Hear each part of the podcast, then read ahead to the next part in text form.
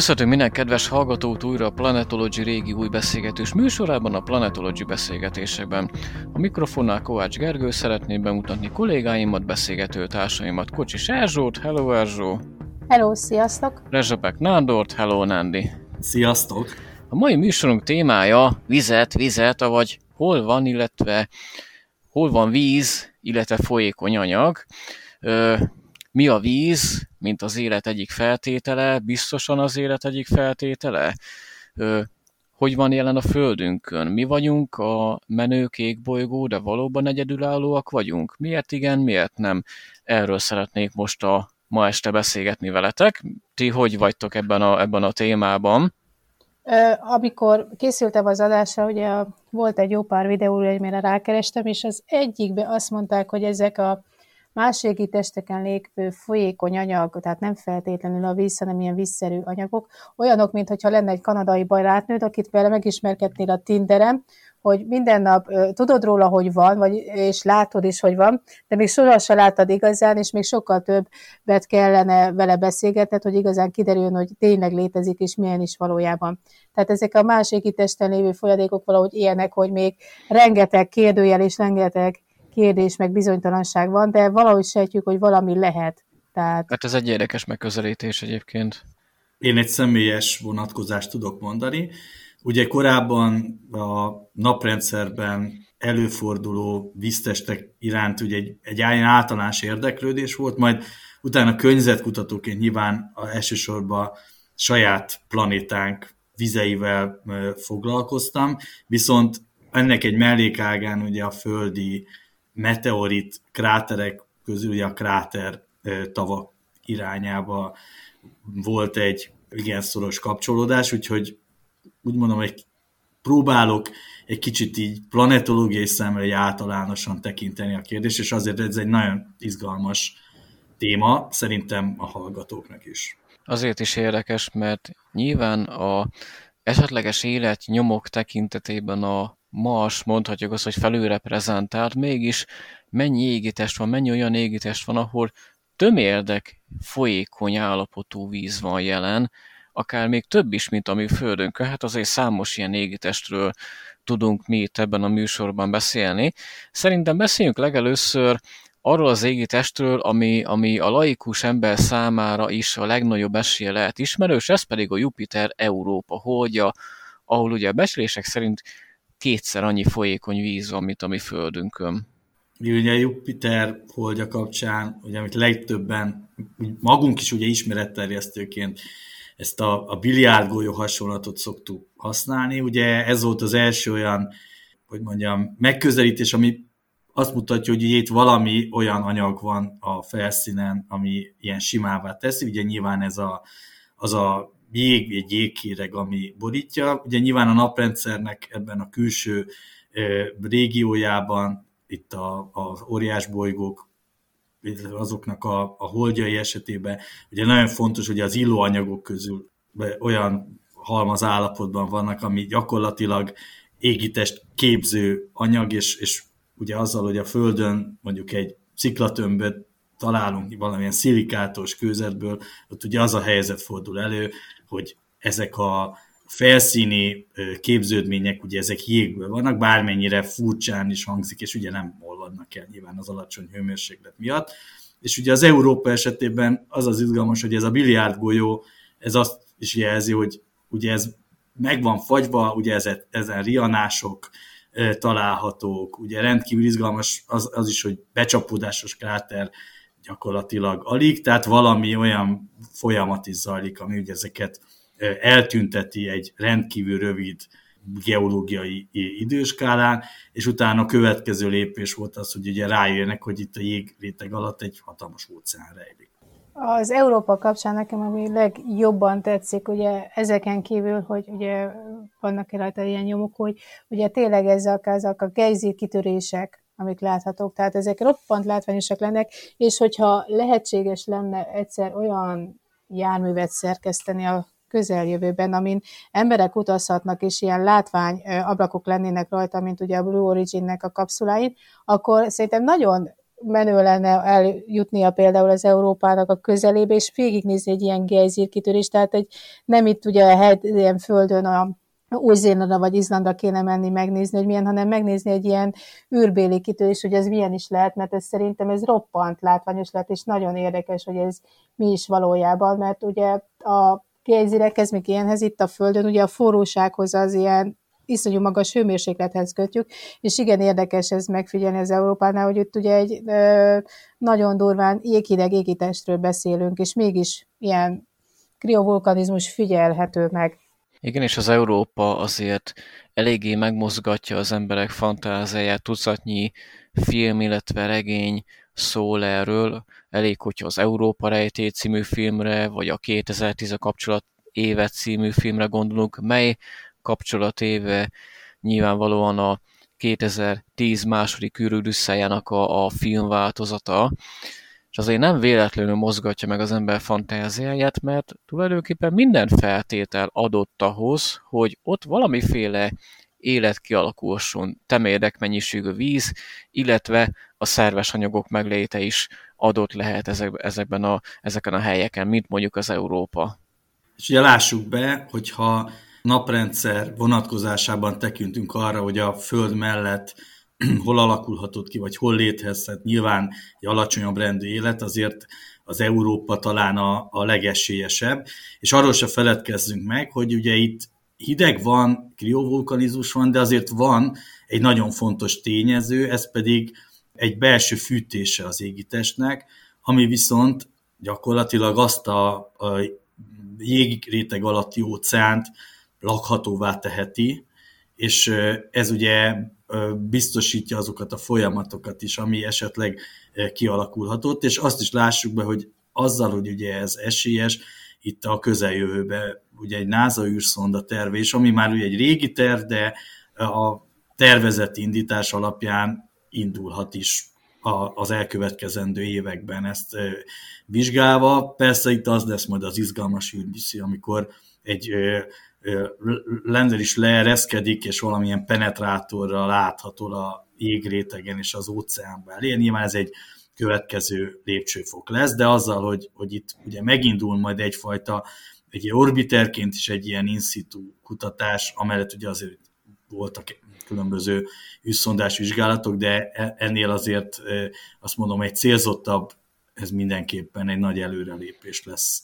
A Én tudás. igazából azon csodálkozom, hogy hogy, hogy nem küldtünk még az Európához direktbe semmit sem. Tehát ti ezt értitek? Hát nem. most ugye 2024-ben elvileg lehet, és azért ez az az érdekes pont, amit Nándi is mondott, ugye, hogy akkor lesz ugye ez az űrszonda, hogy ez a SpaceX Falcon Heavy nehéz rakétájának a segítségével szeretnék ezt elintézni, tehát ez szerintem egy roppan nagy dolog, mert ugye éppen most volt nemrégiben ugye 20 éves maga a cég, a SpaceX, és az, hogy ennyi idő alatt eljutottak odáig, hogy egy űrszondát fognak tudni ők indítani, tehát ők lesznek felkére a, a NASA által kiválasztva egy Falcon Heavy nehéz rakétával. Tehát most ugye nem a piros Tesla fog menni akkor az űrben, hanem egy űrszonda, ami meg fogja nézni végre, és akkor megtanulmányozni az Európát egy kicsit közelebbről. Hát azért nem biztos, hogy az, hogy az nem egy piros Tesla lesz, tehát azért még várjunk ezzel a kijelentéssel. Lehet, tehát hogy kék színű lesz. Tehát lehet, hogy kék színű lesz, de hogyha, hogyha olyan, akkor, akkor lehet, hogy ilyen, ilyen, ilyen Tesla, nem, nem is tudom, ilyen Cybertruck lesz majd ott az Európa felszínén, tudod. Hát lehet, Igen, Tesla az tenger alatt járó is, ha már itt tartunk. Csak az ablaküvegekre figyelni kell, hogy a jót, jót rakják be, hogy ne legyen probléma, amikor landolás történik, mert akkor... Igen, igen. Egyébként még az Európa kapcsán, amit én mindig el szoktam mondani, egyfajta földi analógiaként az Antarktisz Vostok tavát kell megemlíteni, ahol ugyancsak egy vastag jégréteg alatt, ugye ott egy édesvízű tó e, található az Európán egy sósvízű, de attól függetlenül az a lényeg, hogy egy jégréteg alatt egy felszín alatti víztest, és azok a kísérletek, meg kutatási eredmények, ami a Vostok tó kapcsán ugye megtörténtek, azok a analógiái hasznosíthatók lesznek később. Az olyan típusú institu kutatás, amikor tényleg leszálló egység is érkezni fog, vagy valahogy ugye ráadásul a égen áthatolva eljut az óceánba. Én igazából tényleg nagyon kíváncsi vagyok, hogy ha eljut már az Európához egy újabb űrszonda, akkor, akkor mit fog találni. Tehát tényleg szétfeszít a kíváncsiság, ugyanakkor tényleg továbbra sem értem azt, hogy mindez idáig hogy, hogy nem küldtünk oda semmit sem. És hát szerintem nem is, ne is menjünk annyira messze innen, az, innen a Jupiter és Európa közeléből, hogy egy másik, szintén tetemes mennyiségű vizet tartalmazó hold is itt kering a Jupiter körül, ő pedig nem más, mint a Ganymedes naprendszerünk legnagyobb holdja, és az egyetlen hold, mely számottevő mágneses mezővel is rendelkezik, és akár csak az Európa úgy a Ganymedes is rendelkezhet egy felszín alatti óceánnal. Sőt, a, a Ganymedes esetében érdemes megemlíteni, hogy véletlenül két jégréteg is található rajta, és valahogy nekem megint egy földi hasonlat jut eszembe, ugye a, rétegvizek, ahol ugye két vízzáró réteg között található a víztest, most nyilván ez egy analógia, és nem pontosan ez, de emiatt is rendkívül érdekes, amellett, hogy a Ganymedes tényleg, ugye el kell mondani, hogy a legnagyobb naprendszerbeli hold méretét tekintve meghaladja a Merkur bolygó átmérőjét, és ezer más szempontból izgalmas, Ugye ide is terveznek egy űrszondás vizsgálatot, ami egy, a, ugye itt a külső jeges holdakat ö, ö, célozza majd a Jupiter esetében, tehát nem kizárólag egy Ganymedes szonda, de viszont a vele kapcsolatos tudásanyagunkat biztosan meg fogja növelni. Egyébként ez az érdekes, hogyha már űrszondával szintén van egy másik kapcsolatos, itt most nem a SpaceX-el, hanem ugye már a YouTube csatornánkkal kapcsolatosan van éppen, ugye, a, amikor ugye volt a száz éves ódemberi születésnapi évforduló, ott felszólalt Tracy Drainer is, akiről ugye azt kell tudni, hogy pont ezt a Európa Clipper rendszer mérnöke volt, aki ezt a űrszondának az egyik főmérnöke amiről éppen te beszéltél. Tehát ő gyerekkorában annak idején a Star Trek-et nézte, és akkor határozta el, hogy szeretne egyszer ilyen távoli bolygókhoz eljutni, oda, ahova, pont a Gergely mondta, oda, ahol még ember nem jutott el, pont oda eljutni egy űrszondával, és ő volt az egyik ilyen rendszermérnök, aki ezt kifejlesztette, és éppen ennek a ominózus, klasszikus sci sorozat kapcsán. Tehát az, hogy egyszer tényleg a Ganymedesnél ott lesz egy űrszonda, és alaposan azt vizsgálni fogja, tehát ezt is köszönhetjük a Enterprise-on utazó legénységnek is. A Ganymedesnél, ahogy említetted Nándi, ezt a két jégrétek közé ékelődő vízóceánt, számomra az volt, az volt baromi érdekes arra való rádöbbenés, hogy ez miféle két jégrétek. Tehát olyan nagyon sokáig néztem bután így magam elé, hogy hogy lehet az, hogy a, a vízréteg alatt van egy másik jégréteg, nem csak a Ganymedes, de mondjuk a Titán esetében is. És akkor én gondolkodtam, gondolkodtam, kutakodtam, majd rájöttem arra, hogy az a jég, ami a víz alatt van, nem az a jég, ami a víz felett van. Tehát, hogy rá kellett döbbenni arra, hogy a jégnek különböző fázisai vannak, különböző kristály szerkezetei, ami ugye a nyomástól függ. És hogyha már így beszéltem a titánról, akkor szerintem beszéljünk továbbra is a titánról, melyen a feltételezések szerint szintén tetemes mennyiségű víz található. Sőt, a titán olyan szempontból is ö, rendkívül érdekes, hogy a naprendszerben az egyetlen olyan föld melletti égitest, ahol ugye felszíni folyadék található.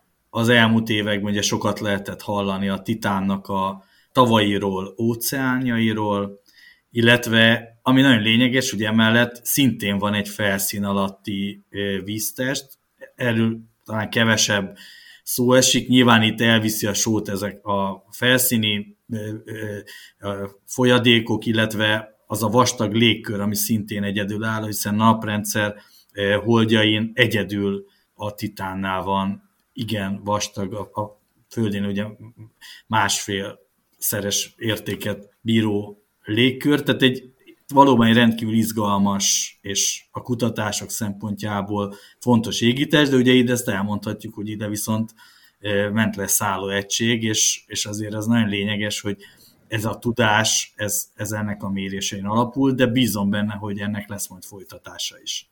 Egyébként ez tényleg roppant érdekes lehetett, amikor ugye 2005. januárban ereszkedett le ugye a Titánnak a felszínére, ugye ami a Cassiniről vált le, ez a Huygens szonda, és ott végzett ilyen vizsgálatokat, és ugye talán az jól rémlik, hogy a Titán az, ami egy ilyen lehetséges majdani földi lakóhely, tehát hogyha figyelembe veszük, hogy ott is ugye feltételezzük, hogy lehetséges élet, ami ugye mindig azt mondom a gyerekeknek, hogyha egy ilyen bolygóról azt mondjuk, hogy élet nyomait keressük akár a Marson, és akár az egyéb ilyen kisebb hold, kisebb, relatíve kisebb holdakon, akkor nem mindig arra kell gondolni, hogy zsiráfot vagy elefántokat keresünk, tehát az élet, mint olyan, nem ilyen méretben fog megjelenni ezeken a helyeken, hanem egészen ilyen icipeke, picike, ilyen mikroszkopikus méretben, és ugye lehet, hogy mi leszünk az elsők, akik így emberként, hogyha terraformáljuk, vagy esetleg kolóniákat alakítatunk, a titán, mint olyan, egy lehetséges lakóhely, az felmerült, mint olyan a Marson kívül, hogy ott élni, pont emiatt a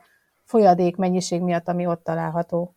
Igen, és ugye egyetlen egy gondolat hasított most hirtelen a fejembe, ugye sokan beszélnek így a Mars terraformálásáról, lakhatóvá tételéről, mely azért egy igencsak, igencsak komoly feladat lenne.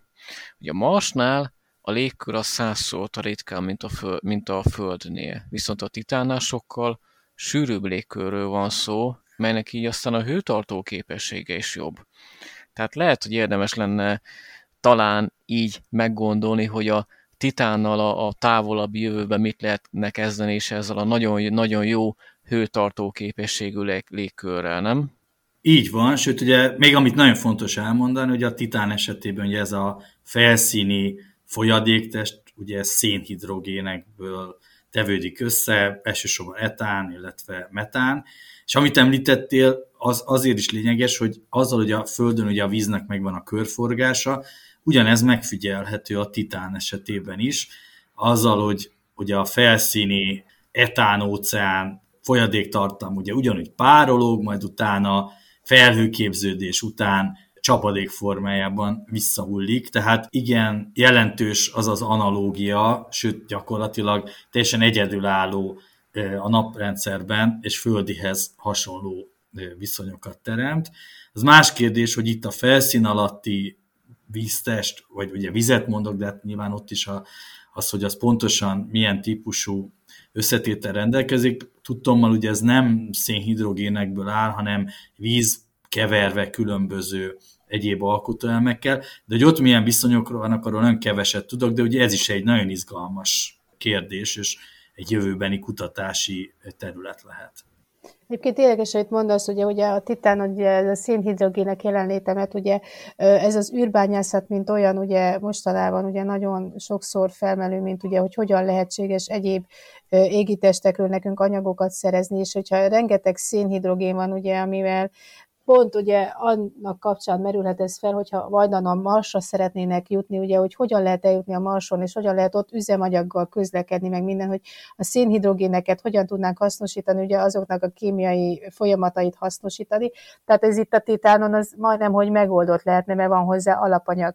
Másrészt ugye, amit te is mondtál, ugye az, hogy itt ugye roppant egy ilyen, hogy is hívják, ilyen romantikus helyszín lehet a titán, mint olyan reggelente, amikor így szép ö, ködrétek borítja az egész felszínét, és ugye nem ilyen kis vízjégszemcsék fognak így lebegni, hanem ilyen több milliméteres icike-picike metánjégszemcsék fognak, és úgy körülbelül úgy 10 fél 11 óráig ebbe így tudunk csodálkozni, ami úgy, úgy, úgy egy ilyen teljesen ilyen misztikussá tenni ezt az egész környezetet lényeg, ami lényeg a Titán az azért elég, elég komoly potenciál a bír, főleg, hogyha így a, így a jövőben az emberiség eljut abba az állapotba, hogy a jelenlegi válságos időket átvészel, majd egy kicsit úgy mondhatnám azt, hogy szintet lépve belakja naprendszerünket. Én igazából nagyon-nagyon remélem, hogy el fogunk jutni idáig, akár az egyes magáncégek, akár esetleg állami cégek által, mindegy, csak jussunk el. Én ezen a véleményen vagyok.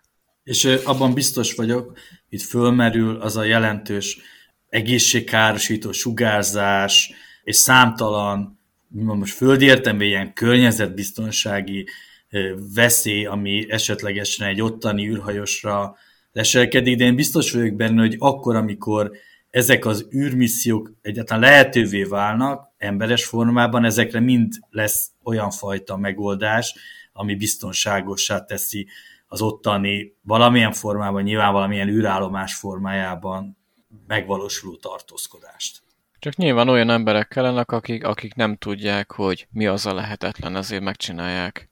Ez így lesz. Hogy azt mondom, hogy mennyire ugye elképzelhetetlen volt mondjuk egy száz évvel ezelőtti rátekintés az, hogy az ember az űrbe jusson, tehát egy teljes science fiction, egy fant, sőt, azt mondom, hogy fantazmagória kategória volt, és ez megvalósult, ugyanúgy nem láthatjuk azt mondom, hogy ilyen időtávon, hogy mekkora fejlődés áll.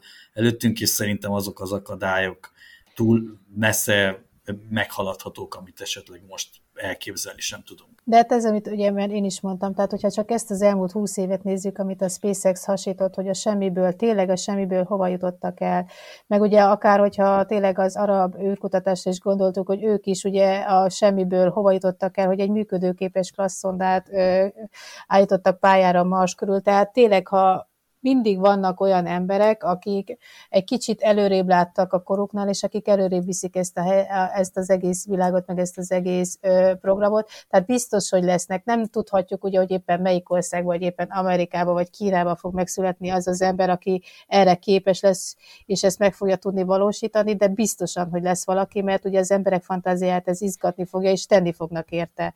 És hát mennyivel jobb építeni, mint rombolni, lássuk be.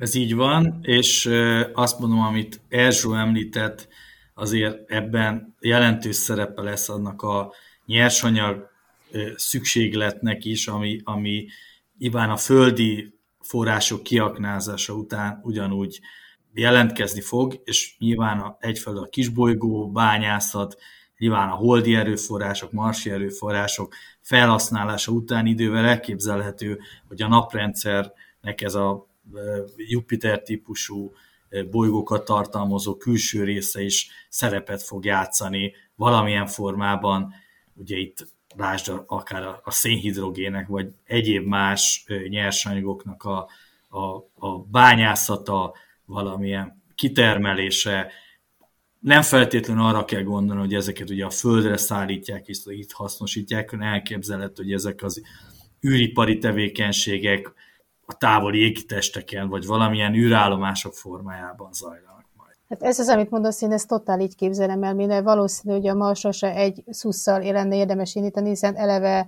az Elon Musk terve nem az, hanem legyen egy pihenőhely a Holdon. Ugyanilyen pihenőhelyen lehet, így, így, így amit te mondasz, akkor hát akár a Titánon is, ahol lesz egy ilyen szénhidrogén állomás, ahol fel lehet töltekezni, és lehet tovább menni, akár még messzebb, egészen ki tudja meddig. Hát a következő célpontunkhoz sem kell túl messzire menni, mely nem más, mint az a Saturnus Enceladus, vagy Enceladus nevű holdja, mely talán legjobban a Jupiter Európa holdjára hasonlít, igazából szerintem majd, hogy nem forma-forma a kettő, csak méretbeli különbségek vannak. Ugye őt a Voyagerek látták először, tehát ugye nem kellett olyan sokáig várni, mint a többieket, hogy megnézhessük közelből, tehát a Voyager űrszondák ők elhúztak mellette, és ugye ö, kisebb információkat szolgáltattak nekünk, tehát ezeket a ö, kráterekkel szaggatott felszínét, ezt már akkor is láthattuk az 1980-as évek elején. Tehát nem kellett olyan sokáig várnunk, mint például a Titán esetében. És ugye rendkívül izgalmas helyszín, ugye itt a gejzirekről esett szó, ugye ami az Európán is megfigyeltek, de talán a leglátványosabb, vagy úgy mondom, hogy a földi analógiák szempontjából a non plus ultra, ugye ezek az Enceladusnak a, a, a gejzírjei. Nagyon izgalmas szerintem az a tény is, hogyha most itt összehasonlítjuk az előző a titánnal, hogy itt szénhidrogénekről beszéltünk, hogy itt ugye a földihez hasonlóan viszont víz van, nyilván esetleg keveredik más összetevőkkel, de alapvetően a víz a meghatározó.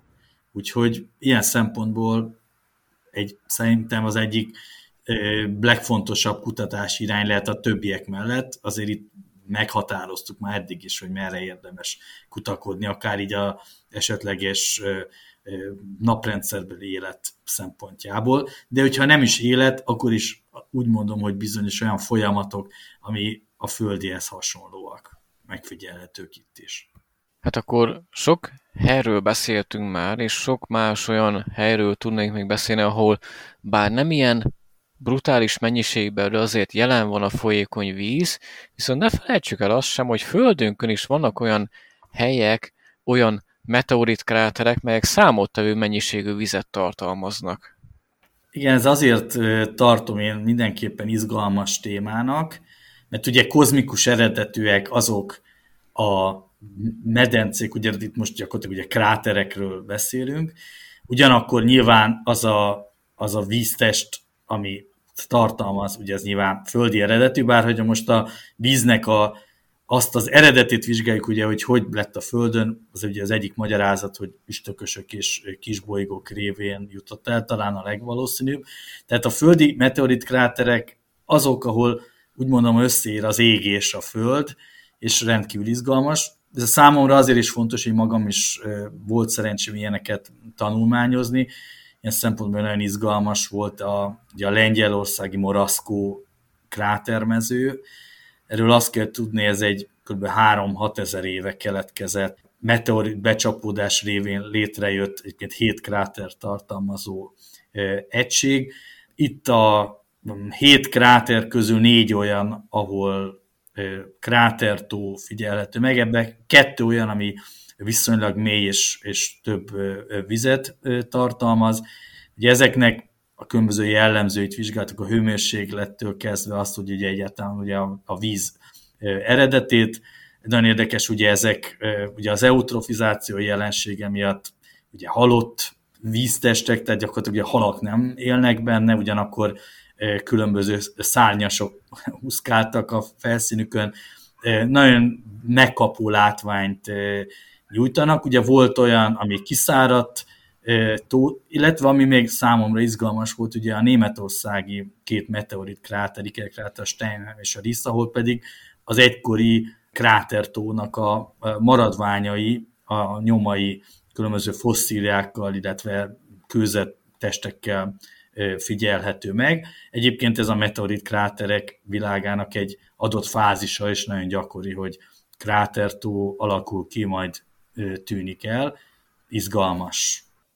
Egyébként jó, hogy a Földön is vannak ilyen helyszínek, mert ugye elég minimális az esélyünk arra, hogy egy űrszondának a hátára felpattanva tudjunk megvizsgálni dolgokat, és ugye így akár közelebb is meg lehet tanulmányozni ezeket a dolgokat, és később ugye feltételezve arról, ugye ilyen analógiák meg egyéb modellek kapcsán, hogy hogyan zajlott az általunk is felvázolt égitesteken ez a dolog. De egyébként érdekes lenne az, hogy tényleg ez a hol lenne érdemes elmenni, és mit megnézni, ami igazán ilyen jó, ilyen hétvégi kirocanos program lehetne. Tehát mondom, én biztos mennék Gejzírt nézni, tehát akkor jó, a két helyszín is lehetne, tehát akkor ez két napos túra lenne, de azt hiszem, hogy megérni és beleférnének fejbe az ember több ö, ennivalót pakol, és akkor Gejzírt nézni. Egy kis, kis hajókás utazás a Titánnak a Kraken Mare nevű tengerén. Igen, csak ki kell írni ilyen táblára, mint Izlandon, hogy nem nyúlni a vízbe, be itt nem azon, hogy megéget, mert olyan forró, nem ezzel lefagy az ujjat, haver, hogyha belegyúlsz. tilos. Vagy csak saját felelősségre, tehát ilyen. És hogyha jön az, jön az eső, akkor bizony valószínűleg kevés lenne az esernyő, úgyhogy valami védettebb helyre kéne húzódni. Mindenesetre izgalmas lenne egy ilyen naprendszerbeli túra valóban, hogy, hogy megnéznénk a vizet, illetve a, a egyéb folyadékokat, hogy hol és mi. Legalább annyira izgalmas lenne, sőt szerintem még sokkal izgalmasabb, mint mondjuk a Föld leglátványosabb óceánjai vízeséseit meglátogatni. De úgy gondolom, ha viszont így, így visszatekintünk, amiket így átbeszéltünk, meg említettünk, hogy nagyon érdekes az, hogy, hogy a Föld nincs egyedül.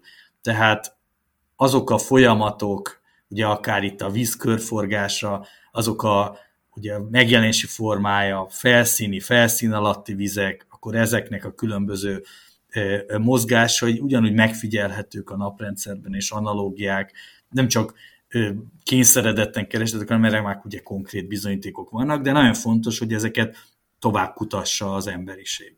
Egyébként pont ugye beszélgettünk a Pirxről, mint filmről, és emlékeztek, abban volt egy olyan rész, ez a hová menjen hétvégén nyaralni.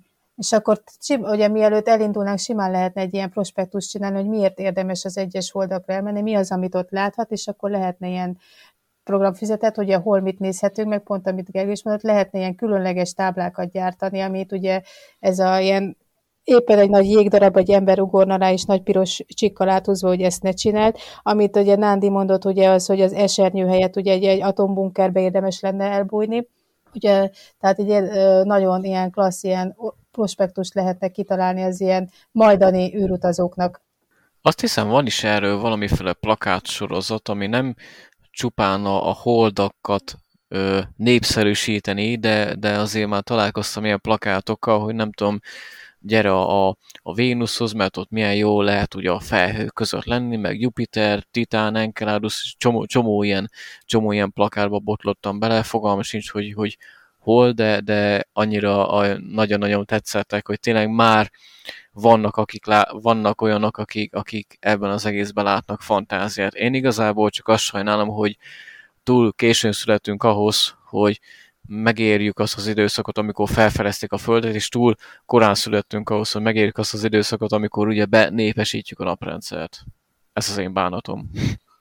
Hát várjuk ki a végét, mert hogyha elég hosszan él az ember, akkor akár bármi előfordul. Tehát, hogyha ilyen 20 éves gyorsasági tempóval veszük, akkor a 90-es éveinkben talán van esélyünk arra, hogy ellátogassunk valahol, és talán még látni is fogjuk, talán még hallani is fogjuk, tehát még talán leszünk annyira épek és mobilak, hogy akár ezt akár ki is élvezhessük. Ha olyan e, egészségügyi állapotban leszünk, mint William Shatner, ugye, aki az űrugrást megcsinálta, akkor figyelj, Gergő, fő az optimizmus, akkor még simán mehetünk. Tehát. El kéne kérnünk tőle azt a gyűrűt.